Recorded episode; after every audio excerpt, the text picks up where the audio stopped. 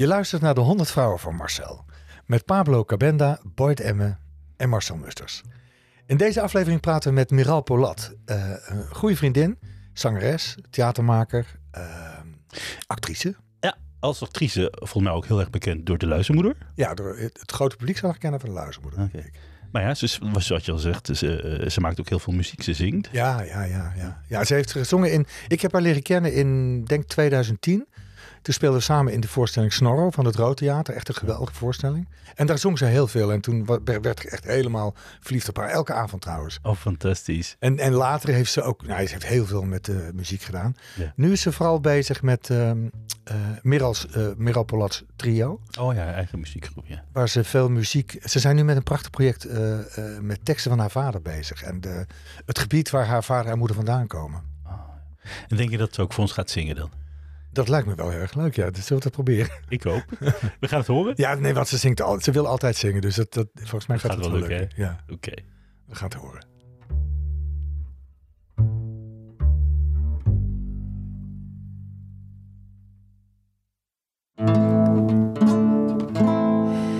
Ik huil, ik huil,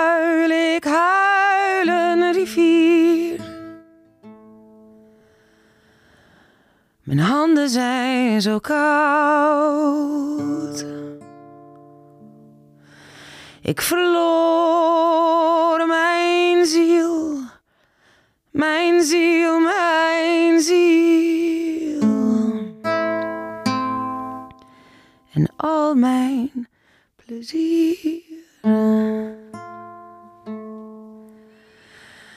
Vorig jaar was alles goed. Gisteren nog oké. Maar vandaag. Maar vandaag. Vorig jaar was alles goed, gisteren nog oké. Maar vandaag val ik in twee, val ik in twee. Ik huil, ik huil, ik huil een rivier.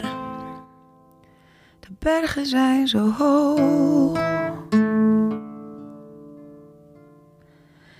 Ik verloor mijn ziel, mijn ziel, mijn ziel. Doe ik nu nog hier?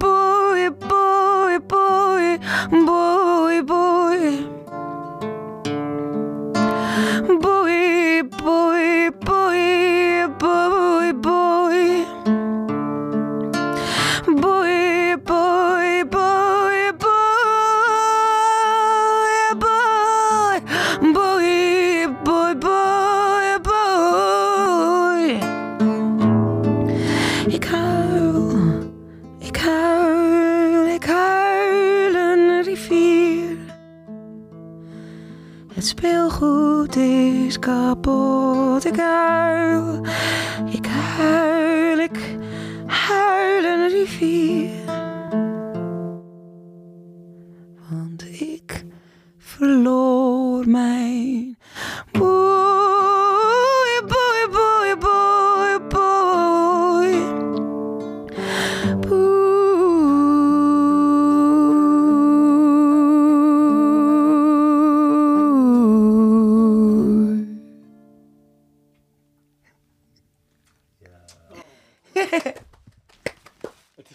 Mooier dan het was. Ja, dank je. ik ging een beetje de. Het is zo Ja, het mooi. is- ik hou- ja, ik moet er altijd van huilen. Ik hou van dit nummer. Ja, Ik hou Hmm. echt. maar je... Oh, wauw. ja, echt heel mooi. Oh jee. Dank je. Heel tof. Ja. Ja, ik hou ook zo. Het is namelijk zo vanuit een kind Mhm. en vanuit die simpelheid en die eenvoud van ik ben mijn ziel kwijt en ik zoek ernaar en de bergen zijn hoog en het speelgoed is kapot en ik huil en en dan en, en die boei aan het einde weer dus zonder taal, zonder te weten wat het betekent, maar die gaat allerlei kanten op. En uiteindelijk gaat het voor mij die boei over het leven dan, het leven maar gewoon leven. En, en dat, dat het levenslust mag komen ondanks de pijn en het zoeken en dat het daar dan over gaat. Ja. Het is zo mooi hoe je in die ruimte beweegt. Dat je die ruimte neemt en alle kanten op gaat. En ja, dat vind ik zo bijzonder. Dank je. Echt zo... Nou, het is bijna jalo- niet jaloersmakend. Want ik, maar het is zo goed. Ik vind het zo goed wat je doet. Nou, dank je. Ik hou Ja. daar ook heel van. Ik denk dat ik me dat ik dat andere, dan voel ik me een beetje gevangen of juist Ja. niet goed. Ook Ja. dan moet ik hier aan voldoen en dit moet. Terwijl, ja. Hey, hoe kennen we elkaar? Weet je dat nog? Oh, de eerste keer? Ik was eh, zo'n fan van jou. Oh, echt? Ja, natuurlijk. Ik had je eerst, ehm, of natuurlijk, ik, had, ik kende je van Hertenkamp, Oh. voordat ik op de toneelschool ging. Ja, ja, ja. Maar eh, eh, op de toneelschool gingen wij vaak naar voorstellingen kijken. En toen kwam ik naar de Mug met de Gouden Tand. Ik heb verschillende voorstellingen gezien. Ik ben echt slecht met namen. Eentje was de, in dat, eh, dat café, weet je wel. Mug in. Mug in. Ja. En ehm, dus, dus daar was ik al van een afstand eh, Oh. eh, bewonderaar of fan. Ik vond het zo tof dat je eigenlijk eens... ehm, ik kon zo dichtbij je komen omdat je anti speelde. Ik weet niet hoe ik dat moet, omdat je... ehm, dus je zoekt steeds de... Jij, jij laat ook heel veel de tussenruimtes van de rol zien. Of, of de tussenruimtes van... Of tenminste, ik weet niet of dat, dat is wat Ik weet ook niet. Ik vind het heel leuk om te horen. Ik- Ja. de, en toen mocht ik meespelen met de familievoorstelling van het Rood Theater Ja. Van eh, Pieter Kramer. En weet je dat, dat, dat ik Nou, Pieter toen getipt heb? En ik, dat realiseer ik me nu. Want Pieter vraagt me altijd van, "Goh, ken je nog leuke nieuwe Oh. acteurs? En ik had volgens, ik heb niet de voorstelling gezien, maar ik had het liedje gehoord. Ik huil een rivier, wat, voor mijn Ja. gevoel. En ik huil is was eigenlijk het allereerste liedje die ik heb gemaakt samen met eh Rijnt op de tekst van Don. Ja, ja. En voor een kindervoorstelling. En nu herinner ik mij nog iets, want wij hadden elkaar eerder ontmoet. Eh, in de Rode Bioscoop had Don Duins een soort boekpresentatie, geloof ik. En daar ging ik met Beppe. Daar heb ik Beppe ontmoet. Want hoe Beppe ging Costa, dat? Ik ja. ging met Rijnt van den Brink. eh, Don vroeg: Wil jij eh, een paar liedjes doen? Dus we gingen een paar liedjes doen. En Beppe was daar ook in de Rode Bioscoop. En toen eh, was er zo'n gesprek. En hij woonde daar in de buurt. Dus hij ging een instrument halen en hij kwam. En toen gingen we met z'n drieën eh, spelen. Daarna hebben Beppe en ik ja, tien jaar een band gehad samen. Ja, meer als Harem. Ja. Maar daar heb ik jou toen eh, ont- ontmoet en met je gepraat. Ik denk dat je daar dat lied dan ook hebt gehoord. En, en wat jij, jij bent naar de toneelschool gegaan, Ja. omdat je wilde acteren. Maar dat zingen had je altijd al eigenlijk, of niet? Ja, nou ja, maar ik wist helemaal niet dat dat met dat zingen, weet je, dat deden we gewoon. Dat heb ik van thuis uit meegekregen. Weet je, Ja. we zijn Alevitisch, eh, al, mijn, al mijn ooms en mijn vader, de zong, speelde de saz, lang als luid. Het was eh, een hele normale iets, helemaal niet iets wat je voor je... Ik wist ook niet dat ik dat zo goed kon. Ja, iedereen deed dat Maar je vader beetje. zei niet, je kan heel goed zingen, bijvoorbeeld. Nou ja, hij kon ook heel goed zingen. Ja. Dus het was zo, eh, het was niet heel erg iets, oeh. Zelfs vanzelfsprekend. Ja, het Ja. was vanzelfsprekend. Zoals eten en drinken en dan samen zingen. En, ja. eh, En de, en de eh, toneelschool, ik wist ook helemaal niet dat er opleidingen waren. Of dat je daar, ik dacht serieus heel naïef, je wordt ontdekt als je op straat loopt of zo. Of oh iemand- ja. Totdat ik dus, oh, er zit een toneelschool in Amsterdam en, dat wil ik wel doen. En dan samen met mijn vader daar naartoe gegaan. Ja, want je bent eerst, heb je nog toerisme gestudeerd of zo, hè? Ja. Na school, een opleiding. Hoe Ja. kwam je daar dan toch bij? Kijk, je, je, je omgeving bepaalt heel erg wat je denkt dat er is in de wereld. Ja. En in mijn omgeving eh, was er helemaal niet iemand die naar een toneelschool ging of die wereld kende ik Ja, bij mij niet. ook niet. ja. Nee.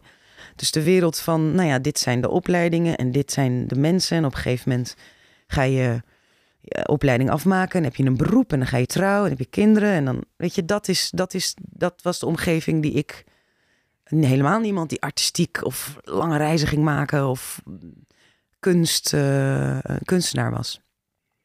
Dus daarom dacht ik, wat moet ik doen? Ik heb geen idee. Eh, dan ga ik maar toerisme doen, want dat is met culturen en Oh ja, landen en reizen en, dingen zo. en Maar reizen. dan zit je op zijn bureau, ja. Ja, Totdat nee, mijn mijn vader dus eh, aan mij vroeg. ehm eh, nou ja, hij zei: Je bent ongelukkig. Was ik 16. Volgens Oh, ja. mij heb ik je dit verhaal. Dit verhaal ken je wel, hè? Ja, ik ken het verhaal, maar het is een heel mooi verhaal, vind ik namelijk. Wat jouw vader dan als een zo'n prachtige Nee, les geeft. Ja, hij, ik was 16 en hij zei: Je bent ongelukkig. Kom eens bij me zitten. Ik ging bij hem zitten en toen zei hij: eh, Waarom ben je ongelukkig? En ja, ik was dus ongelukkig omdat ik denk: Ja, in mijn omgeving. Ik, en ik voelde dat helemaal niet. Ik voelde geen aansluiting in, in dat manier van leven dan Mhm. eh, hoe dat moest zijn.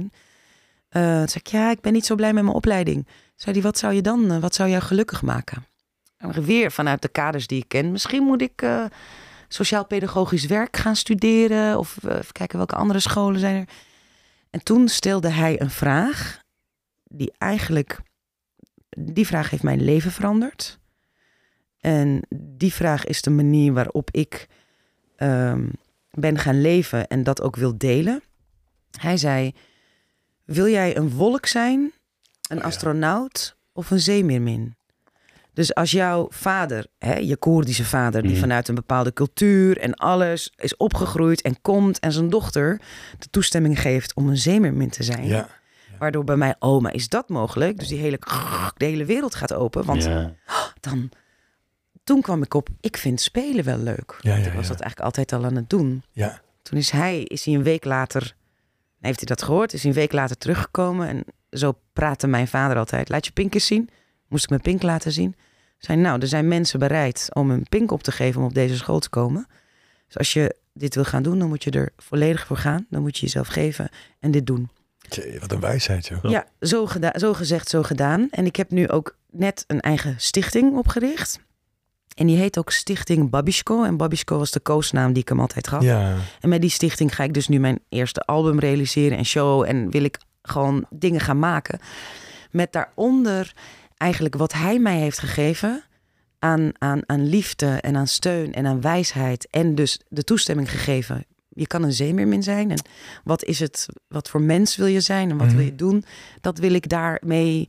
Dat dat voort mag leven. Dat dat mag groeien. Dat dat hopelijk ja, Mooi. kan inspireren. Komt het ook omdat je misschien zelf in je omgeving zag dat er andere eh, jonge meiden en jongens zijn die misschien ook van dat het hele mooie creatieve ambities hebben, maar daar geen enkel weet van hebben dat het ook kan? Ja. Ja, ook. Maar niet alleen maar in, in, in mijn omgeving. Ik denk, en eigenlijk is dat ook niet cultuurgebonden. Ik denk dat het zo wereldwijd is dat wij. Eh, je groeit op ergens in en denk je, oh ja, dit hoort, dit is Mhm. goed, dit is niet goed. En ik moet dit zijn en ik moet daaraan voldoen. En ik moet, nee, ik moet zo zijn. En dan eh, zit je helemaal zo vast. Nee, dit, ik, ja, weet je, je bent eh, alles overal. Maakt eigenlijk niet uit in welke omgeving je bent Mm.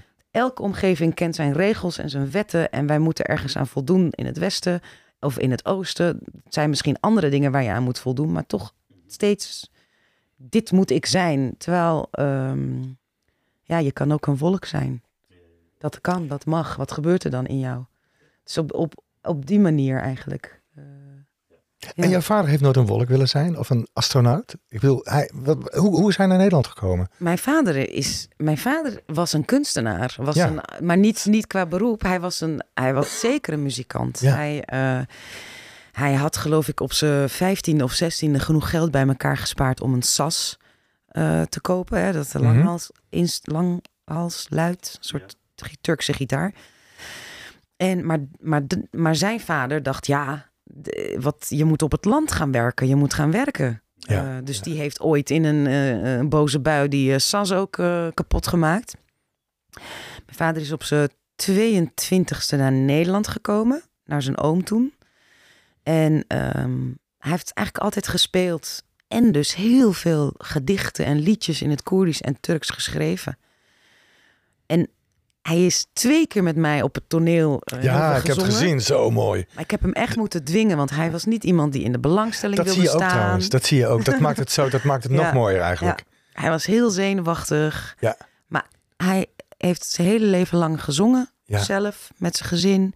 En geschreven. Omdat, dat, omdat het dus niet iets was van ik moet dit laten zien of mijn vak van maken. Maar dat vind ik gewoon een echte kunstenaar. Ja. Het moest uit hem komen. Natuurlijk. Hij kon en niet anders. Nee, ja. Hoeft het niet te delen met iemand. ja, dat is bijzonder hè? Ja, dat dat, niet, dat, dat, dat, dat eigenlijk al voldoende is. Daar Ja. zit de echte kunstenaarschap Ja. volgens mij. Ja, dat was al ja, dat was, vond hij oké. Want hij heeft ook nooit geambieerd dus om, om een artiest te worden. Ja, misschien toen jij dan artieste werd. Ja, toen, nou, ik denk dat toen hij heel jong was, dat hij dat zeker wel had gewild. Maar hij heeft nooit de kansen en Nee. de mogelijkheden en het Ja. leven gekregen waardoor hij dat kan doen. Ja, Hij moest gewoon werken.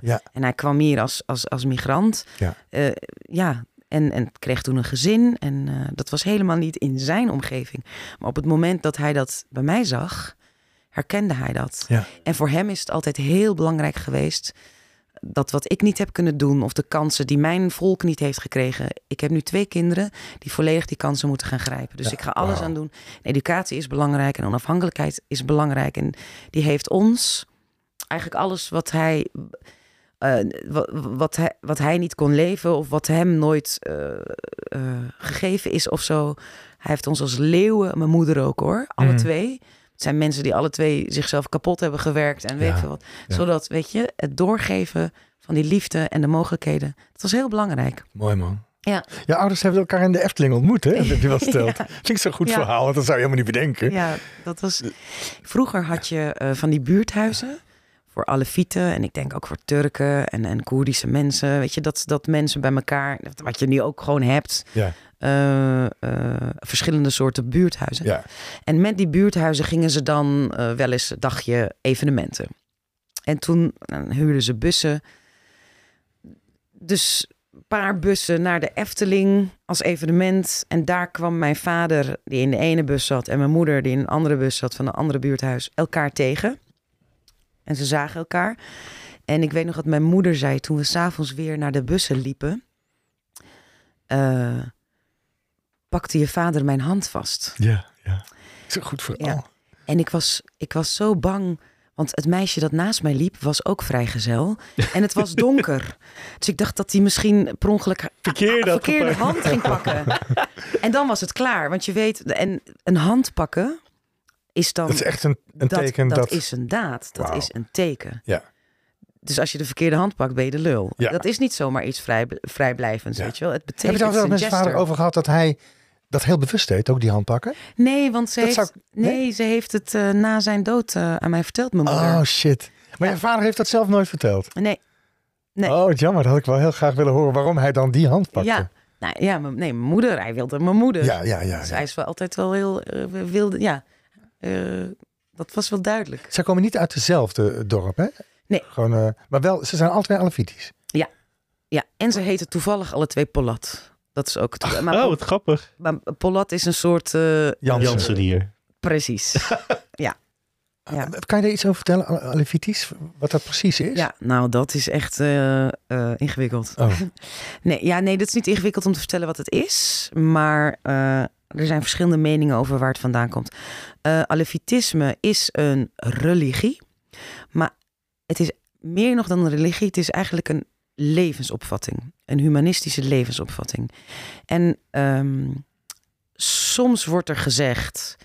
het is een eh, vertakking van de islam... maar een liberalere vertakking, een jongere vertakking. Dat heb ik ook heel lang gedacht. mhm.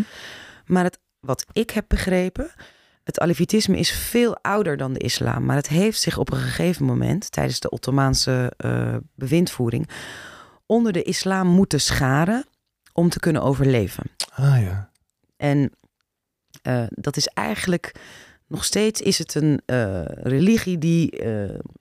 het, is een, het is een minderheid in Turkije bijvoorbeeld, die heel lang in de geschiedenis niet heeft eh, kunnen uiten. Dus je kon niet uiten dat je Alevitisch was. Of ehm, de taal, de Koerdisch of het Zaza kon, kon je ook niet spreken. Dus daar Oh. moest je heel voorzichtig mee zijn. En, eh, Er, wer- er werden sancties tegen getroffen. zeg maar. Zeker. Er is in 1938 in Turkije een grote genocide gepleegd op de eh, mensen in Dersem, op de Alevieten. Dus dat, dat is een geschiedenis. eh. maar ehm, wat ik heb gevonden is, eh, en, wat bij mij ook wel, eh, wa- wat bij mij affiniteit heeft, is dat het rond, rond de bronzen tijd in Irak en Iran had je de Luwieten. En daar is ook het Zoroastrisme ontstaan. Dat is de eerste monoreligie op aarde geweest. En een deel van de mensen is naar India en Afghanistan gegaan. En een ander deel van de mensen naar Anatolië. En het wordt gezegd dat de Alevieten vanuit uh, Horasan, uh, dus vanuit de Luvieten, hier naartoe zijn gegaan. En, en dat, ze worden ook de lichtmensen genoemd. En de zon is, een, de zon is heel belangrijk. En, uh, en, en het water en de aarde. Het is heel erg met de natuur. Je ziet dat nog steeds in Dersum, dat, je, dat er heel veel pelgrimsplekken zijn naar bergen en naar water, waar je dan een kaars aansteekt of naar een boom. Uh, de verbinding dat uh, natuur heilig is, dat de dieren heilig zijn en gelijkwaardig aan elkaar. Um, en ook dat uh, de liederen en de wijsheden en de lessen doorgegeven wordt met muziek. Dus in muziek en dans wordt dat voortgeleverd, meer nog dan, dan geschreven teksten. Mhm. In het alefitisme, wat ik, wat ik. Er zijn twee dingen die ik belangrijk vind. Eén is de zin: de poort naar de hemel is via het hart van een ander mens. Dus, dus daarin wordt heel veel waarde ja, aan, aan de ander ook. aan de ander. Ja. Aan, uh, waar in andere religies soms nog is de focus van na de dood is het belangrijk. Dus alles wat je hier doet is voor het hiernamaals. Is, is het alevitisme echt gericht op uh, wil je naar de hemel? Dan, dan gaat dat over de berg, over het water. Dus allemaal, dat is allemaal hemel, dat is allemaal God. Over een dier, over een ander mens. En er is een andere leer in het alevitisme. Ik ben helemaal niet religieus hè, in die zin. Maar dat wilde ik je net vragen. Want op een of andere Ja. manier, wat je vertelt over het alevitisme, Ja, uh, uh, ligt zo parallel met, uh, met wat je zingt en hoe je het zingt en hoe je dat zelf volgens mij beleeft. Dus Oh, ik dacht bij mezelf, dank je. dus hier zit er wel een link. Ja. Ja, nee, ja, ik ben wel op die manier opgevoed. Dus ik ben helemaal niet Ja, ja. vanuit een religie opgevoed. Juist niet, want de re- religie wordt dan met Star, kaders ja. en wordt geïnstitutionaliseerd. En ehm, dit, dit gaat daarvoor nog. Dit Ja. is, dit is eh, mystieker. Ja. Dit is de, de, de soort de, de, de, de, de bron. Ja. Voordat we alles hebben bedacht en regels, En regels gemaakt, en ja, is, is dit de bron. En dat, Mhm. dat is de, het, wat puurder. En daar hou ik van. Maar je hebt ook, en het lijkt ook veel, het is een beetje, het lijkt ook op het boeddhisme en op Mhm. het soefisme. Nou ja, eigenlijk is, is het universeel. Je hebt ook in het alevitisme de vier kamers en veertig treden. En dat is eh, eh, eigenlijk wat, wat elk mens hier is komen doen. Kan je terugleiden naar vier kamers en veertig treden. En, ehm, en, en de, eerste kamer is dan, weet je wel, eh, de, de jaloezie en de, en de lust en de hebzucht. En je gaat elke deur in en dan heb je tien kamers waar je langs moet. En dit is, dit is de ontwikkeling van de mens. En eigenlijk ontwikkel je aan het einde naar de verlichting, naar het al, naar Mhm. de, naar, eh, je- keer je terug naar de essentie, naar je, naar je echte bron. En de tweede kamer is dan, weet je wel, het ego en de identiteit en de plaats in de wereld. De derde kamer, ik weet het helemaal niet zo goed, hè, maar ik wil het zeker nog onderzoeken. Want het is een, eh, de derde kamer is de kamer van de dervish. Dus de draaiende, dus je laat los je identiteit, je laat los je bezittingen. Je, eh, en, en, eh, eh, en de vierde kamer is dan, dan ben je eh insani hak. eh, en Ka- Kamili hak, geloof ik. Dit is de volmaakte mens, dus God. En je, iedereen heeft, draagt dat God in zich. in ja. zich. Ja. En dat zijn de stappen die je maakt. En, en er zijn maar heel weinig mensen op aarde die dat in één leven kunnen. Mhm. Dus dan is er reïncarnatie. En ik weet je, Het klinkt heel erg als boeddhisme. ja, dus je kan dit letterlijk nemen. Je kan het als een symboliek nemen. I don't know, dat maakt me ook niet uit. Mhm. Er is iets wat in mij resoneert in... oh ja, want ik ben ook wel altijd bezig in... wie ben ik en hoe kan ik ontwikkelen? En ik wil, wat is de waarheid? En, en eh, in, je, in mezelf. En Wat is jouw waarheid tot nu toe? Waar ben je achter aan het komen? Wat is leven voor jou? Wat... Het, je klinkt wel echt als een lichtmens. Als, eh, als zo'n echt alevitische... ja, ik ben wel de dochter Ja, daarvan. dat vind ik heel mooi. wel. Dat voel ik en wel. de zon. En Ja. die, dat, dat, Ja. En ik denk dat, ja, dan keer ik toch wel weer terug naar mijn vader en ook naar mijn moeder. Wat voor soort mensen zij waren. Oké, je moet gewoon proberen een goed mens te zijn en, en, en, en liefde te geven. En ja, dat, was dat, dat waren zij wel. En eh, dat heeft mij, dat, ik, ik loop, weet je, op hun schouders. Dus ik ga daarmee Ja. door. Ik vind dat wel belangrijk. Dus wat is waarheid voor mij is gewoon zo moeilijk. Eh, wij, wij zijn waarheid.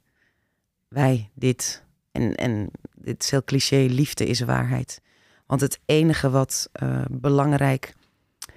En, en dat is met leven en dood. Na de dood van mijn vader is, oké, wat is nou waar? Nou, die immense, grote liefde.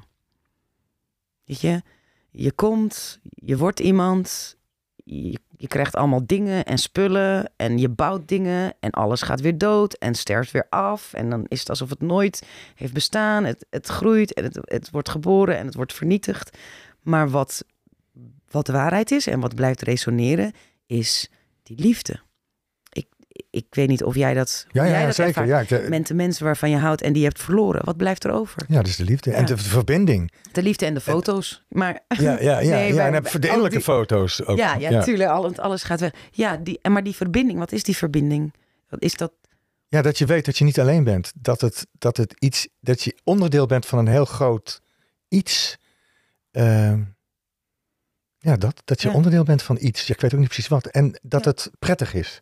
Ja, Dat het niet eng hoeft te zijn. En dat het niet. ehm, ja, omdat je in het leven zo, zoveel informatie krijgt over wat leven is. En daar ben ik heel erg door in de war geweest, heel lang. Oh, ja. Ik dacht, oh, het leven is dit, het leven is dat. Want ja. en langzamerhand, hoe meer mensen er ook sterven in mijn leven, denk ik, oh nee, maar het is, het is allemaal heel mooi eigenlijk ook. Want het, het, ja, het komt en het gaat, wij komen en gaan, maar het blijft ook. Ja. Want iets blijft er altijd. En je wordt steeds wijzer in, tenminste, ik word steeds wijzer in mijn gevoel. Dat ik steeds Mm. meer kan accepteren dat het zoiets abstracts moois is. Ja. Nou, dat wilde ik ook zeggen. Ja, misschien is het niet te benoemen. Het is niet te benoemen, ja. Ja. maar het is te voelen. Ja. En zodra het gaat benoemen, wordt het, is het Ja. vrij ingewikkeld. Want i- het wordt ook in het alevitisme wordt ook gezegd: het is een geheim. Ah, ja. Het is niet. Maar we willen het geheim ontcijferen, dat is het probleem. Nee, dat is denk ik de bedoeling. Dat je, Wat is de bedoeling? Dat we, dat we het moeten ontcijferen. ik, ik denk niet dat je in één keer, oké, dit is de waarheid, ik heb Ja, ja. het. Ik denk dat je moet vallen en moet bloeden en moet werken en verkeerde wegen in moet slaan. Want op die manier, op die manier, ik denk dat dat de mens zijn. Wat is mens zijn? Ja, wat is mens zijn? nou, pijn hebben, verliefd ja, maar dan is het zijn. toch helemaal niet leuke mensen ego. zijn eigenlijk? Er zijn toch wel Hangt andere dingen die leuk zijn om, men te, om mens te zijn, toch? Jawel, maar de diepe core van mens zijn vind ik nogal pittig. Waar alle mensen doorheen moeten. Alle ellende die Ja. je inter- waar je intern doorheen moet. Eh, laat staan als je in een land woont waar het extern ook nog, nog eens heel ingewikkeld is. Ja, maar misschien zijn we toch, toch we zijn bezig toch met z'n allen. Dus je bent van, van binnen, eh, intern ben je daarmee bezig van al die fases. Maar collectief zijn we toch ook bezig met een Ja. bepaalde fase. En zitten we nu toch ook in, jongens? Wat, wat volgens mij, Ja. wat hebben we gedaan? Eh, volgens mij is dit het niet. Moeten we Ja. veranderen Ja. En ergens anders heen? Maar denk jij dat jij nu hier bent omdat je deze tijd mee wil eh, maken? Want dat hoor ik Ja. ook wel eens. En dat, dat begin ik ook steeds meer te denken dat dat zo is. Ja. Dat je dus je, je tijd ook uitzoekt. Ja, dat denk ik. En ik denk ook dat als ik, dat ik, als ik eh, eh, depressief ben of een weg insla die dood, dood is en patronen heb die niet kloppen of dat dat precies onbewust precies iets is wat ik heb gekozen omdat daarin iets te leren valt. Omdat dat dus iets is waar ik dus keer op keer mijn voet aan moet sto- meteen aan moet stoten, omdat ik dat moet leren. En soms kan dat ook zijn wat ik heb doorgekregen van mijn grootouders. Mhm. Dus Maar op, op, op zich geldt dat toch voor alles. Je kan zeggen dat alles, of het nou een goede of een slechte ervaring is, eh, je kan die altijd opvatten als een les. Er zit ook Ja. een soort van self-fulfilling prophecy achter. Want als je niet aan die steen zou stoten, zou het ook niet een, een, een, een, een mogelijkheid zijn om te leren. Dus Maar dat, maar dat zeg je goed. Maar dat bewustzijn van. Voor mij heeft het heel veel veranderd. Als ik weer. eh, eh, als ik bijvoorbeeld een eh, relatie heb en dan aan het einde van die relatie heb gaan. "Wat de- Dit zo'n soort relatie heb ik al drie keer gehad. Waarom zit ik weer in dezelfde situatie? Jee. Maar als je dan in plaats. Als, als ik dan. Ik kan dan bitter blijven. En, eh, eh, maar ik kan dan. Aha. en dan draai je het knopje om. Ja, alleen al bewust daarvan zijn, dan is het minder erg als je valt of fouten maakt. Denk je, ja, maar het is, dit is dus exact, dit is de plek waar ik moet zijn. Het is hoe je er, dus dat is hoe je er tegenaan kijkt eigenlijk, denk ik. Ehm, Maar gaat het ook over innerlijke rust dan? Door zo'n weg te kiezen? Of, of door het zo te zien? ik, ik denk dat dat uiteindelijk toch wel voor alles. Ja, waarom doe je wat je doet? Eigenlijk voor die innerlijke rust en vrede en, en, en liefde. En ja, gewoon een compleetheid. Toch? Ja, ja, ja. Ik vind het alleen zo jammer dat... De, ik, ik, ik word steeds ouder. En denk, jezus, tegen de tijd dat ik het echt doorkrijg... Maar misschien is dat wel de bedoeling. Maar waar wil Ga je... ik dood? Ja, dat weet ik ook niet. Maar ik denk, maar dat misschien, dan nog... misschien is het de bedoeling dat je, het, dat je, je... Dus wat is de verwachting van wat jij moet doorkrijgen tot wat voor je sterft? Wat heb je jezelf voorgenomen? Alles? Of het deel wat je in dit leven... Ik weet het echt niet. ik weet het niet. Ik had namelijk, ik moet gewoon... eh, Waarom ben ik niet verlicht? Ik heb ayahuasca gedaan. Ik ben naar therapie gegaan. Ik heb weet ik veel hoeveel boeken gelezen. Eh, wie- de- die, die naïeve verwachting. Die Ja. ik eigenlijk nu denk, oh ja, het is, een, het is een proces voor het hele leven. Ik weet niet hoe ver ik kom. Al- Als ik maar gewoon stappen blijf zetten. En dan voor ik dood ga, zal ik wel zeggen, oh, zover. In ieder geval iets bereikt. Dit, in dit leven ben ik zo ver gekomen. Oké. Nou, ik vind het wel heel fijn. Sinds een paar jaar geloof ik echt inderdaad dat het leven een, een, een deel iets van iets groter. En, en dat besef heeft mij heel veel rust gegeven. Dat ik dacht, oh, want ik heb altijd haast gehad. ja. Altijd haast en altijd veel te veel gedaan om het allemaal maar in dit leven. Ja. Weet je wel, dat ik heb maar één weten. leven. Ja.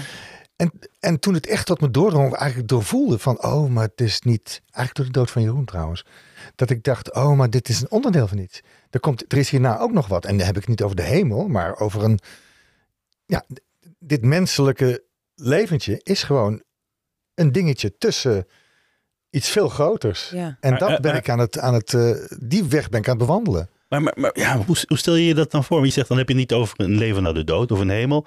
Maar dat is het eigenlijk per definitie dan. Als je zegt van hierna is er nog Nee, iets. het, het, het, het makkelijkste is het te bedenken voor mij dat, eh, dat wij spirituele wezens zijn. En die nu de menselijke experience doormaken. Toen ik dat ergens las of hoorde, dacht ik, oh ja, dat kan natuurlijk ook. Dat ik, dat ik niet dit beperkte mannetje ben alleen met al die gedachten en dingen en in deze wereld die ik niet snap. Maar dat dit iets veel breders is en dat dit gewoon een onderdeel is eh, om inderdaad iets te leren. En dan is het heel fijn om alle dingen die je tegenkomt, die kan je dan bijna positief zien. Denken, oh ja, dit was mijn les. Ja, Hoe zwaar dat ook is. Dus dan kan je dat dragen. Denk oh, dit was mijn les. ja. En, en daardoor wordt het lichter. En daardoor krijg ik meer rust, innerlijke rust. En wordt het makkelijker. En eh, ben ik blij dat ik eh, die innerlijke rust in dit leven ook nog aan het ontdekken ben. Dat ik de richting weet waar mijn innerlijke rust ergens zit. Ja, ja, ja, ja, ja.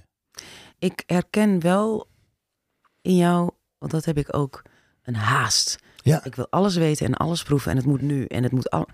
En ik weet niet meer wie dat zei. In ieder geval een groot wijs iemand die 60 jaar lang heeft geleerd en gestudeerd en een wijze meester is. Ik weet niet meer wie dat was, maar die zei: Ik weet misschien nog niet eens 1%. Ja, Na 60 jaar van alleen maar volledige toewijding hierin Mhm. en daarin lesgeven. dat snap ik ook. Oh ja, en dat klopt ook. ja. Dus ja, Maar misschien gaat het ook helemaal niet om weten. Nee. Dat je het niet hoeft te weten, maar dat je het voelt. Dat het, dat het veel meer gaat over het voelen.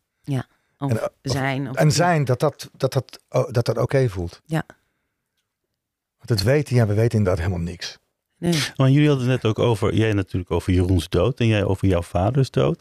Dat is voor jullie allebei best wel een, ja, een groot punt geweest, een eikpunt Ja. geweest in jullie leven. Alles. Ja. Ja. Maar wat is het toen eigenlijk toen jouw vader overleed, niet, niet zo lang geleden zelfs. Wat is er toen in jou veranderd? Ehm, ik, ik had, of ik heb echt een hele bijzondere, diepe band met mijn vader. Mhm. Ook met mijn moeder. Echt prachtig. Maar een veel, ja, bijzonder. Ik weet niet hoe ik het anders moet noemen. Bijzondere band prima. met mijn vader. Ja. Die een heel belangrijk, groot deel van mijn leven was. Door hem te verliezen is er een deel van mij gestorven. Zo voelt dat echt. Ergens ben ik ook gestorven. Eh, ja. En ten eerste is een ouder verliezen en ook gewoon veel te jong en op een, eh, op een manier, weet je, dat het eh, eh, eh, door nalatigheid van artsen en dus dat ook gewoon die rots die zon, die, dat, dat, dat wie je bent bijna verliezen. Dat is een, ik denk dat dat sowieso een groot iets is als je je ouder verliest. Sowieso omdat je als mens dat wat je het me- meeste, eh, dat wat het meeste waardevolste is, dat dat weggaat. Een soort besef, oh ja, dit is ook het leven, weet je, dit gaan we allemaal meemaken. Ja, dit is iets wat we, wat je, dit is dus iets wat je als mens allemaal gaat ervaren, dit ook. Dat waar je, nou ja, eh, eh, en wat het voor mij heeft eh, veranderd, heel concreet, is eigenlijk dat ik nog duidelijker eh, nu bezig ben met wat wil ik nou? Ah, ik wil dit gaan doen. En dat is op dit moment in mijn geval een album maken met ook heel veel de teksten die hij heeft geschreven. Want ik wist wel dat hij gedichten schreef, maar na zijn dood vond ik schriften vol gedichten en, en liedjes, allemaal over, weet je, eh, mens zijn. En Ja, dat vond ik zo'n mooi en gedicht. liefde En zulke mooie, diepe teksten. En ik wist, ik wil al heel lang me meer focussen op de muziek. Maar dat gaat zo moeilijk in het leven. Je kent het wel en daar en dit Dus, dus wat mijn vader, eh, wa- wat na zijn dood ben ik eigenlijk... Ik sluit niet zoveel compromissen meer. Ik doe niet meer iets wat ik niet wil doen. Eh, ik hoef niet meer dat te doen. Ik wil dit doen en dit ga ik doen. Met vallen en opstaan en rustig. Niet om iets te moeten bereiken, maar om dit er, omdat dit eruit moet. Ja, ja, ja, ja. ja. En wat er is veranderd is dat ik echt besef dat het een... eh, je hebt in het Turks een gezegde, Üçkünlük dünya. De wereld die duurt drie dagen. Wij zijn hier drie dagen. We zijn hier vandaag en morgen niet. Mhm. En, en ehm, ja. En hoe immens en groot en, en waardevol liefde is. Wat ik, wat ik heb gekregen. En nu ook krijg van mijn moeder. Wat dat is en hoe dat, dat, dat belangrijk is. En als je dan op het podium staat, of als je zo'n album maakt met veel gedichten en liedjes van je vader, staat je vader daar dan ook? Tuurlijk. Ja. Ja. Het is ook echt een eerbetoon aan de man die misschien zelf ook wel die ambities had, maar die nooit heeft verwezen, verwezenlijkt. Helemaal. Aha. Ja. En dat is wel mooi. Ja. Het is ook een beetje zo, in ieder geval toen met jouw moeder, met zijn moeder ook, hè? Ja, ja, ja, ja. Ja, Ik zat net te denken aan mijn moeder, want zij is er nog steeds, maar ze is niet meer mijn moeder. En dat is zo fijn. Dat gaat met jouw vader volgens mij ook gebeuren. ja Mijn, mijn moeder heeft ooit, nou ja, so- soms praat ze tegen me. Maar door, door smoeder, dat ik die voorstelling ooit gemaakt heb, praat ze nog steeds voortdurend tegen me. Maar ze heeft echt gezegd, ik ben jouw moeder niet meer. Hmm. We hebben een eeuwigheidslijntje. En dit, dit was er hiervoor ook al en daarna. En dat klopt helemaal met het idee wat ik nu steeds meer heb over wat leven is. Dat het, ja, eh, zij helpt mij nu. Of eh, ze was toen mijn moeder, maar ze helpt me nu. En straks help ik. Weet je wel, het is een soort ja. altijd doorgaand ding. En met. Jeroen is het precies hetzelfde. De hond, die nu zo lekker hier bij me ligt. Die, ja. dat is, voelt als een soort een connectie met Jeroen. Omdat het leven wat ik met hem heb, kon niet met Jeroen toen. Maar dat kan nu met hem. We kunnen nu 24 uur per dag bij elkaar zijn. Lekker relaxed in het nu. Eh, weet je wel zo? Wat wil je Ja. zeggen? Nee, ik vind Oh. dat prachtig. Dus- Ik, ik, ik geloof ook wel het boek Ali Sampolat. Dat leven, dat, dat boek is gesloten. Juist. Dat is Ja. begonnen, Ja. dat is geleefd, dat is gedaan, dat is, en dat boek is klaar. Maar eh, eh, de ziel is onsterfelijk. Dus het, het lichaam sterft, maar de ziel, de energie is onsterfelijk. Precies. En die ziel, dit is ook jouw ziel. Jullie zijn, dat, dat zit aan elkaar vast. Ja, Dus dat, dat jij dit gaat doen, vind ik prachtig hoor. Want ik, ik denk echt dat dat ook de bedoeling is, Ja. zeg maar. ja ik ook. En Want het heb- voelt, doet jou goed voelen. Het zal je vader, ik bedoel, Ja. dat wat er van je vader is, doet ook goed voelen. Ja. En ik heb ook het niet het idee dat ik. eh, maar dat heb ik toen mijn vader leefde. eh, zoveel verschil is er niet. Als, want als ik daar. Toen hij leefde en ik stond ergens en ik zong, was hij er ook. En zong ik ook die liedjes. Het is ook niet dat ik nu heel erg andere soorten. Ik zong zijn liedjes. Ik, Mhm. Die band was altijd al wel bijzonder. En nu is dat ook zo. Maar het zit in een transformatie. Maar ik heb ook nooit het gevoel.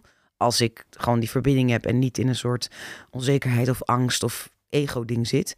Dat ik ik heb dus niet het gevoel dat ik alleen sta. Mhm. Als ik sta, sta ik. Zijn, zijn mijn grootmoeders daar? Zijn andere mensen daar? Zijn, zijn, eh, ik, je bent niet alleen. Elke, elke, elke woord die je zegt komt ergens anders vandaan wat je ooit hebt gehoord. Dus je- ja, we zijn verbonden op. Ja. Nou, en dat heb ik geleerd van de dood. Omdat ik best veel mensen, nou ja, door je Ja. leven heen eh, maak je een aantal, eh, af, zijn er veel mensen overleden. Ja. En doordat je met die dood geconfronteerd wordt, is, dat, is, dat, is mijn hele beeld over de dood veranderd. En weet ik dat dat steunen, die mensen die, waar je heel dier bij me was, dat zijn je steunpilaren, die Ja. altijd achter je staan. Ik vind wel dat wij meer met de dood, dat we dat zo niet, eigenlijk niet over mogen hebben. Ja. En eigenlijk moeten we dat wegstoppen. En eigenlijk mensen die zo oh, oud worden, oh, we denken aan dood, die moeten ook dat we, d- daar- Nee, dat daar, moet- zit, daar zit iets. Ja. Eh, en, en ook.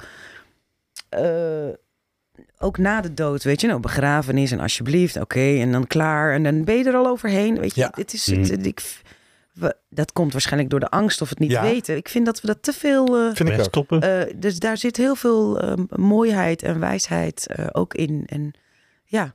ja, dat we dat wegstoppen. Ja. Dat we, en als we het wegstoppen, Gekaderd hebben ook in, in wat je, hoe je met de dood omgaat. ja, heel erg gekaderd. Maar Ja. als je de dingen wegstopt, dan, dan helen ze ook niet. Mhm. Weet je, dan, dan, dan kunnen ze ook niet, dan kun je ze ook niet doorleven. Dan ben je het aan het wegstoppen, wegstoppen, wegstoppen. En dan, eh, het is heel confronterend, denk ik, maar ga het maar aan. Ik ben, ik ben ook nu, eh, ik heb anderhalf jaar mijn pijn en alles weggegeten en ik slaap bijna niet en ik ben soms echt verdrietig en dan weet ik het niet. Maar laat, oké, Ja. ik, ik, ik wil het, ik, Je moet er doorheen. ik moet er wel doorheen. Ja. Ik ga het niet ontkennen en dan door en dan eh, waarom?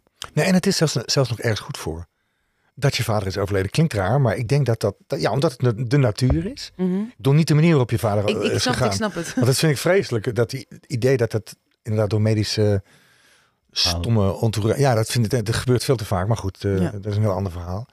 Maar het feit dat het gebeurt, maar misschien is dit ook allemaal wel de bedoeling geweest. Hè? Dat kan ook nog zijn. Nou ja, dat is Dat- waar we het net over Ja. hadden, weet je. Dat alles gebeurt omdat het toch ergens voor moet gebeuren. Ja. En ik hou, ik, ik kijk graag zo naar het leven. Ja. Ik kijk graag als iets opeens in toevalligheid gebeurt. Of als er opeens een vogel komt. En dan, Ja. denk, dan denk ik, hmm, wat betekent dit? Hey, want Hm. ik, ik, ik hou ervan. Ik weet niet of het waar is of niet waar is. Daar hoeven we ook niet niet over in uit. discussie Dat te maakt gaan. helemaal niet uit. Ik wil op die manier leven. Dat alles Mhm. een, een, een verbinding heeft en een, en een reden heeft. En een, een bedoeling is omdat ik op die manier eh, dat aan wil gaan.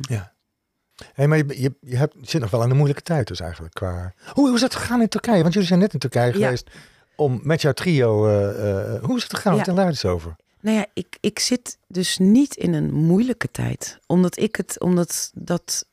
eh, Ja, dat is waar. Terwijl ik wel echt, yeah, waarom kom op, waarom ben ik zo? En ik moet er, kom, ik moet er nu. Weet je, dat, dat, dat heb ik ook allemaal gehad en Mhm. gedacht. Maar ehm, op die reis, toen ik terugkwam van die reis, dacht ik, dit is wat het is. En ik accepteer dat. Maar vert- vertel eerst eens eventjes over waarom je die reis gemaakt had.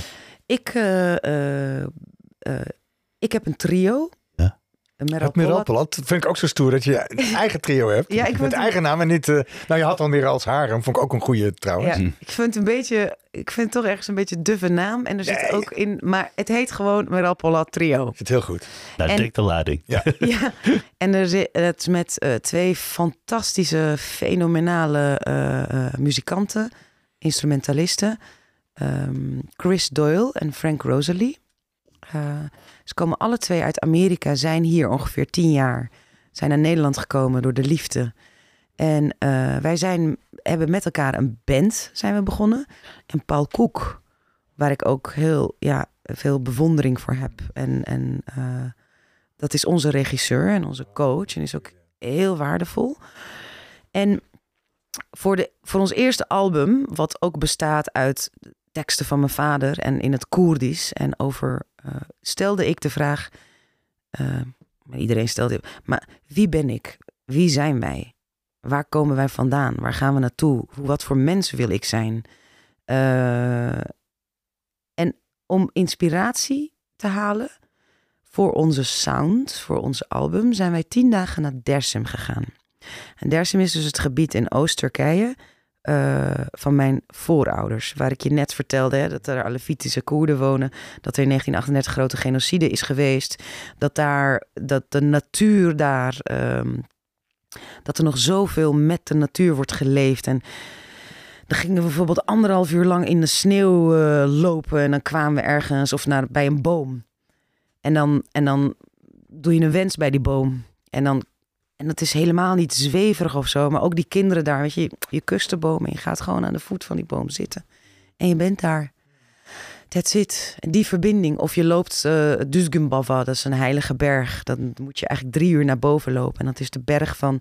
En al die plekken hebben een heel mooi, mythisch, naïef verhaal bijna. Want daar was ooit een herder en die... Nou ja, maar... maar uh, je klimt drie uur lang naar boven. En het is de berg van de innerlijke confrontatie, naar wat ik heb begrepen. Wat in jou is nog niet recht? Wat zeg je, maar doe je nog? Wat staat nog tegenover elkaar? Wat moet je nog, wat moet je onder ogen zien, wat je niet onder ogen ziet over jezelf, om gewoon in een, in, weer in een rechte lijn te komen? Nou, dan ga je drie uur lang, en dat is geen makkelijke weg. En helemaal boven kom je bij een grot, waar je dan ook weer een kaarsje aansteekt en een gebed doet. Um, en waar er uh, ja, ook altijd wel priesters, dedeler, uh, aanwezig zijn. Die, waar die ook een gebed voor je kan doen. Het is gewoon dat met z'n allen zo'n ritueel doen en een symboliek doen. En zo met, de, met het water, met de, met, de, met de stenen, met de natuur zijn, is um, heel waardevol. En ook de, het Alevitische geloof daar. En ook de, ook de Koerden. En ook de muziek. Uh, hoe leven mensen daar? Uh, wat hebben wij hier verloren? Wat daar nog steeds een verbinding is. Wat eigenlijk bijna zo langzamerhand overal in de wereld zo'n beetje uh, wordt afgebrokkeld, weet je wel. Die gatekeepers, die mensen nog, die. die mijn, mijn oma weet gewoon, uh, oh, oh het, het, heeft, uh, hier is drie dagen geleden een slang langsgekomen. Hoe weet je dat? Nou, okay.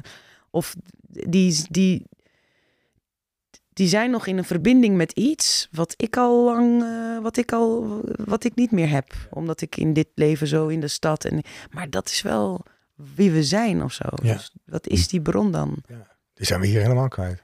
Ja. Daar denken we niet eens meer bij na. Ja. ja, hoewel ik denk dat er steeds meer mensen wel die richting weer op gaan. Dat we Ik denk voelen wel, dat, we, ja. dat we iets Ja. heel belangrijks kwijt zijn geraakt. Dat is met dat collectieve inderdaad, weet je. Van. We zijn wel ergens mee, we denken wel, wacht, we, Verschuivingen, want er moet, er moet, dat moet ook. Dat voelt iedereen. Ik denk dat heel veel eh, spanningen of burn-outs of niet meer eh, of dat dat eh, dat dat ook gewoon eh, komt omdat we waar waar zijn waar zitten jouw wortels en dan bedoel ik niet je ras of je identiteit of waar kom je vandaan maar gewoon waaraan waaraan ben je voel je die verbinding nog wie je bent Ja. wie we met elkaar zijn En die, die vind je door natuur. Dat merk ik hier zelf. In, in, als ik hier in de tuin zit s'avonds. het is zo mooi Dan is het zo... Dan, dan, dan snap ik iets veel... En weet ik niet wat ik snap. ja Maar ik snap iets veel beter. En dan is het, dan is het gewoon logischer. Dan dat ik... Ik heb 40 jaar in de stad gewoond. Of 50 jaar. eh, ja En nog steeds. Maar het is, het is een andere beleving als ik buiten ben in de natuur. En eh, Mhm. wat Ja. gebeurt er als je daar buiten zi- eh, zit of daar dat is, nou, eerst kom ik in de anekdotische dingen. Weet je, oh, die vogel dat. dat, dat, dat, dat, dat. Oh, wat is dat dan? Eh, oh, ik ben heel erg in het denken. Toch nog in het hoofd. En op een gegeven moment dan wordt dat rustig. En dan, nou niet dat ik dan één ben met de natuur. Maar die richting voel ik me dan wel op gaan. Denk, oh, daar is iets heel belangrijks. Want daar Ja. word ik rustig van. En had jij een soort gelijke ervaring in Dersen? Oh ja, man. Het was waanzinnig. Het was zo mooi om ten eerste mijn, mijn, mijn teamleden en eh, eh, dat die plek te mogen laten zien. Ja. Eh, en die mensen te mogen ontmoeten. En de, de vriendelijkheid. En dat, dat. Ja, ik zag een geweldig filmpje van jullie. Dat jullie bij mensen thuis Oh ja. aan het spelen waren. Oh ja, ja. Die oudere mevrouw ook. Ja, wij wilden, Ergens- ja, wij, ergens? dat, wij wilden naar Buurtchesme. En betekent grote fontein. En ik ben vaak naar die plek geweest. Het is een soort, ja, het is ook een heilige plek waar, een, waar een bron is van water. En je gaat daar dan naartoe. En meestal eh, slachten ze dan eh, dieren. Dat Ja. heb ik als kind altijd gezien, hoe, dat, Ja. hoe dieren werden geslacht. En, en dan bereid en dan eh, gegeten. Ik, ik eet zelf geen vlees, maar ehm, ik denk dat mijn ouders ook wel belangrijk vonden dat wij zien Waar het vandaan voordat komt het dan. op Ja. het bord komt. Ja. Dit Ja. is dat, dat moet je weten. Mhm.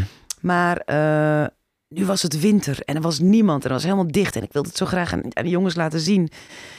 Eh, maar je kon er niet komen met de auto. Maar toen had iemand van het dorp waar we waren gebeld naar dat dorp wat naast de Büyükçeşme, naast die, dat, die heilige plek was. Die zou ons dan een sleutel geven en met ons meelopen. Ja. Nou, we kwamen dus, we gingen dus rijden totdat we niet meer konden. En dan ging ik in het dorpje met tien huizen, ging ik een beetje zo, een beetje om me heen kijken. En toen kwam er in- in- inderdaad iemand naar buiten. En die zei, ik heb een sleutel. Dus die, daarmee liepen we door de sneeuw naar die plek van de fontein. En die, die kon dan eh, zo de deur openen. En eh, het was heel fijn om die, om die plek te laten zien. En toen sloot ik mijn ogen. En toen luisterde ik naar het water. Dat is een hele krachtige stroom. Zo. En eh, die bracht me even heel ergens anders naartoe. En ik denk dat dat ook... eh, misschien zijn die plekken daarom ook... eh, zeggen ze dat het heilig is... omdat het de kracht heeft om jou naar een andere plek te transformeren. In jezelf of Mhm. ergens in de, in de energie. Eh, maar goed, toen konden we, want we de broodjes en alles mee, maar het is echt sneeuw tot, tot eh, weet ik veel, eh, tot, je, tot je buik. Eh, Dus toen zei hij, nou kom maar dan, dan in, naar mijn huis.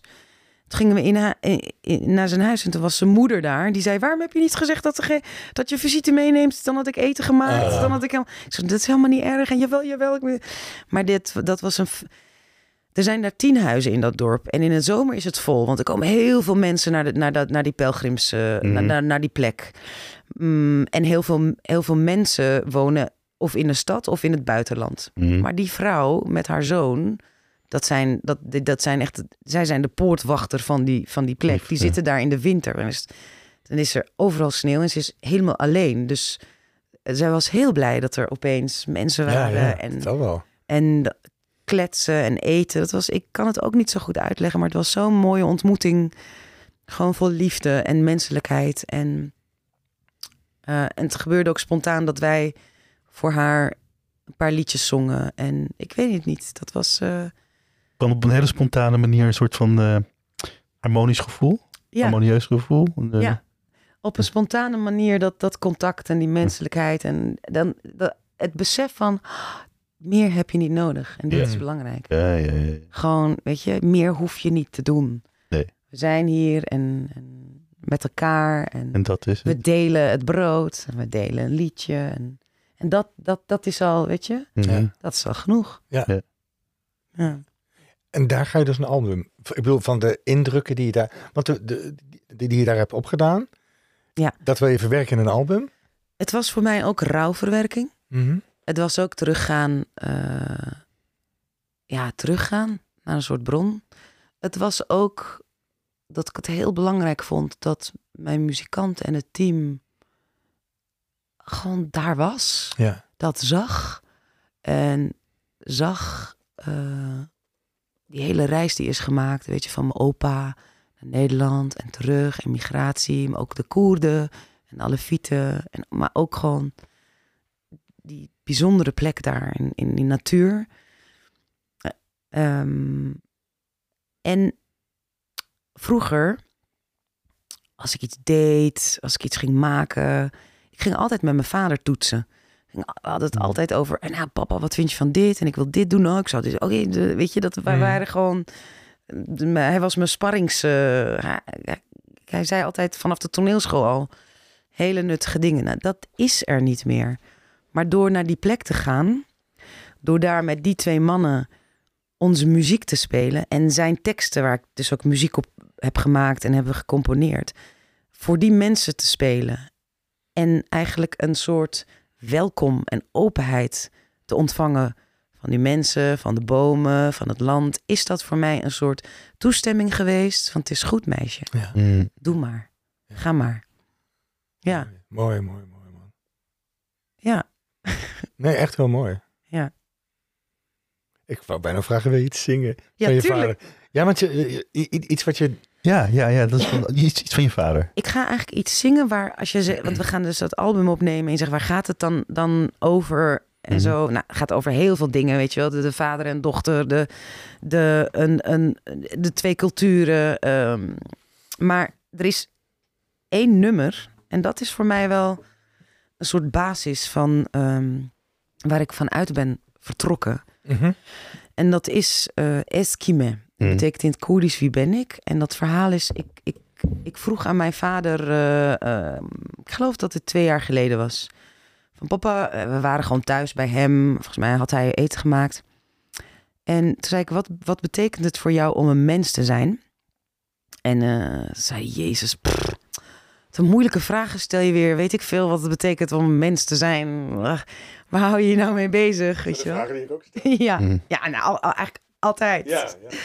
En eh zei ik weet het niet. Gewoon mens zijn. Hè? Je, bent, je hebt gewoon... Je hebt een mooie carrière, je hebt familie, je, bent, eh, je hebt vrienden. Je, weet je, dit- wat, wat, waarom moet je dat nou... eh, Ik weet het niet. Ik heb thee gemaakt, hier drink. maar toen, toen had hij dus, ik geloof een week later, eh, in mijn brievenbus... eh, witte envelop had hij voor mijn dochter in het Turks, kızıma. En daarbinnen zat een Koerdisch gedicht. En, en dat was zijn antwoord Ja. op mijn vraag: wat betekent het voor jou om een mens te zijn? Had hij een gedicht gemaakt en in mijn brievenbus gestopt. Toen zei ik: Papa, ik kan het niet lezen, het is Koerdisch. Toen zei hij: Ja, wat denk je nou? Denk je dat je het antwoord eh, eh, zo gaat krijgen? Het is een zoektocht. Wie ik ben is een zoektocht. En het is een, een, een, een scherpe weg, een harde weg. En, en mijn antwoord, het Koerdisch, dus dat is zijn moedertaal. Zoek maar uit wat het betekent. Want jij spreekt geen Koerdisch. Ik spreek geen Koerdisch, nee. Ik ben het nu wel aan het leren. Goed zo. Maar dit is het gedicht wat hij dus heeft geschreven. Waar ik met dit gitaartje, waar ik eigenlijk niet op kan spelen, een liedje van heb gemaakt. En toen eh, samen met Chris eh, verder heb ontwikkeld. En hij, hij heeft gecomponeerd. En toen kwam Frank erbij. En dat is Eskime eh geweest. En dat is voor mij wel de, de rode draad van de inhoud van wat we aan het doen zijn. Ik ga nu even zelf heel simpel op mijn gitaartje zingen. Eskime, wie ben ik? Ik ben een mens, een mogelijkheid of een monument van vrijheid. In mijn essentie ken ik geen discriminatie. In mijn bron bestaat er geen separatie. Ik ben een kind, ik ben een volwassene, ik ben een oudere, ik ben een bejaarde. Eskime, wie ben ik? Ik ben een mens. Ehm, en dan, ik ga niet, ik hoef niet het hele lied te, eh, nu een vertaling te doen. En aan het einde, de laatste zin is: Ik ben een dorp, ik ben een stad, ik ben een land, ik ben de wereld. Wie ben ik? Mens. Ja.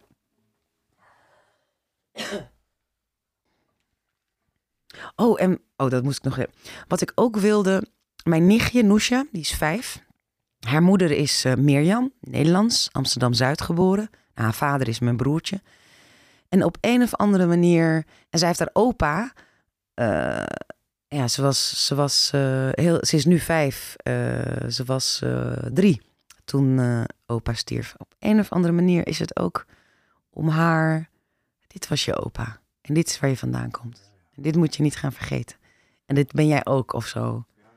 En dus dat is, mijn, dat is het persoonlijke verhaal. En ik denk gewoon op groter, grotere eh, schaal is het... eh, dit is wie wij waren. Dit is wie we zijn. Dit is wie we...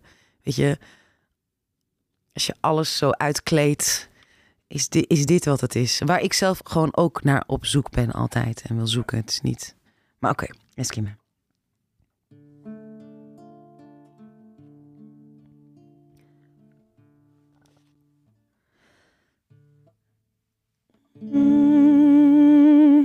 Ezmırovun abideya Abideya zadıya Cudakari nevekevi Çiye çiye. Nızanım Nızanım. Caridi kenim car çaram. Car çaram jidigırım kalbi zaruki, zaruki civanım eskime.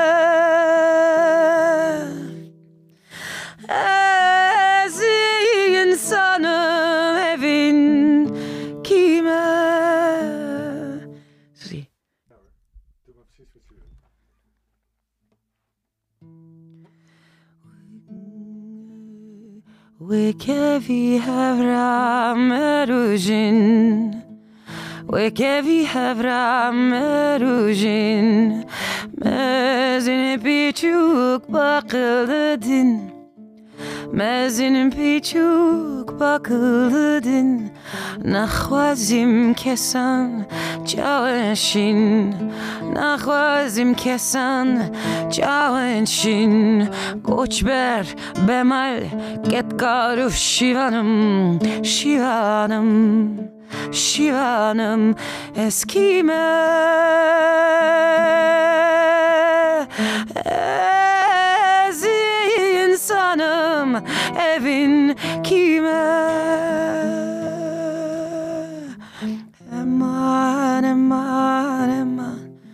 Koca ema verosa vero Eman eman eman Goje emaro nan Le le le le le le le.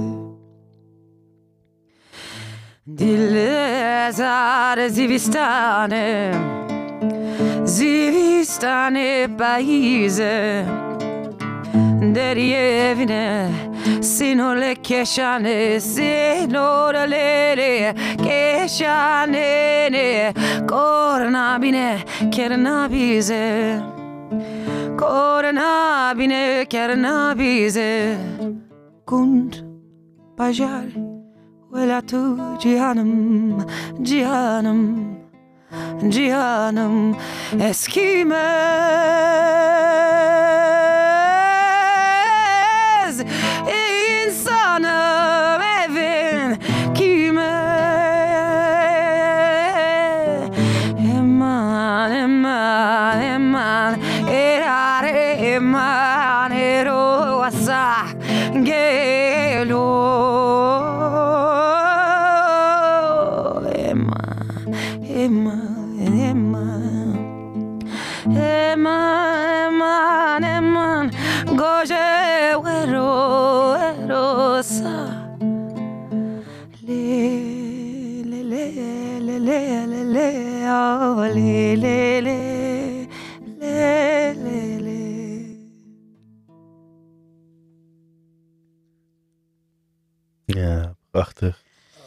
Ik weet helemaal niet of dat met de geluid... eh, Ja, het is zo'n prachtige, fantastisch. Dankjewel. dank je. Ja. Ja, oh, dan moet je het wel echt met het trio horen. ja, maar ik vind het zo ook best wel heel intiem. En er zit een onwijs kracht in je stem als je het zingt. Dank je. Ja, en wat moet je dan nog zeggen? Nou, Ja, wat, heb, wat, he- wat heb jij geleerd in het leven wat je eerder had willen weten en wat je nu aan jonge mensen zou willen doorgeven? Want dat is een beetje het eindding altijd. Ik wil niet eindigen, maar... eh, dat vind ik een prachtige vraag. Ik denk dat ons hele gesprek al ook wel is wat wij, wat de, over Ah, wat hebben wij nou geleerd? Wat zijn we tegengekomen? Waar zijn we? Welke muren hebben we tegengekomen? Wat hadden we willen weten? Ehm, wat zou ik willen doorgeven? Eh, nou, eigenlijk, ik, wat, ik wil door, wat ik wil geven is wat mij gegeven is. Je kan een zeemeermin zijn. En je bent prachtig. En je bent hier maar één keer. En het vallen hoort er ook bij. En het verdriet is, hoort er ook gewoon bij. Van het mens, de ervaring van het mens zijn. En, en, en het leven duurt echt drie dagen. Dus doe iets of doe niets. Maar eh, ervan bewust. ja. En dat is, eh, dat is mij eigenlijk gegeven. Door mijn vader en door mijn moeder. Naast dat me, dat moet ik ook zeggen, want ik het hoeft niet helemaal geen heilige mensen te zijn. Naast dat mijn vader ook gewoon eh, Tuurlijk is een mens. al heel erg, eh, ja goed, maar ja, maar dat had je eigenlijk zo moeten doen. Ja. Of nou kom op, hè, je moet, eh, weet je wel, dat was ook eh, met dat hij natuurlijk het allerbeste wilde en wilde steunen, was hij ook enorm aan het eh, eh, pushen. Wat ik dus mezelf nu soms doe, en dat moet ik afleren. Oh ja, dat, dat zou ik ook wel door willen geven. Van wees, ah, ik ben het ook niet. Ik ben mijn grootste eh, criticus. Ik ben het hardste voor mezelf. Maar, eh, en dat betekent niet dat je lui moet zijn hè, en moet zitten en niks doen. Je moet gewoon wel werken, elke dag een beetje wat je kan. Maar sommige dagen maak je drie meter en andere dagen heb je, heb je eh, Dus dat is ook oké. Ik denk richting kiezen is belangrijk. Ja. Iedereen weet wel welke, en dan heb ik het niet over carrière-richting, maar in richting wat jij met het leven wil. En niet wat, het, wat de mensen met Ja. jouw leven willen, maar wat jij wil. Ja. Of denk dat goed is voor jouw ziel. Ja. Want als het goed is voor jouw ziel, is het ook voor andere zielen goed. Dat is echt mooi, ja. En je weet niet waar het gaat eindigen. Dat is ook voor jou niet om te weten, denk ik. Nee. Het is gewoon... Je, het is, je ziet het wel. Dit was het vraag ook even, of niet? Dit was het, ja. Dit was de 100 vrouwen van Marcel met Miral Polat. In de volgende aflevering praten we met Nel Kostanje. Een vriendin, intussen 83 jaar oud, die ik in 98 jaar heb leren kennen. Bij het maken van de serie Hertenkamp en later TV7.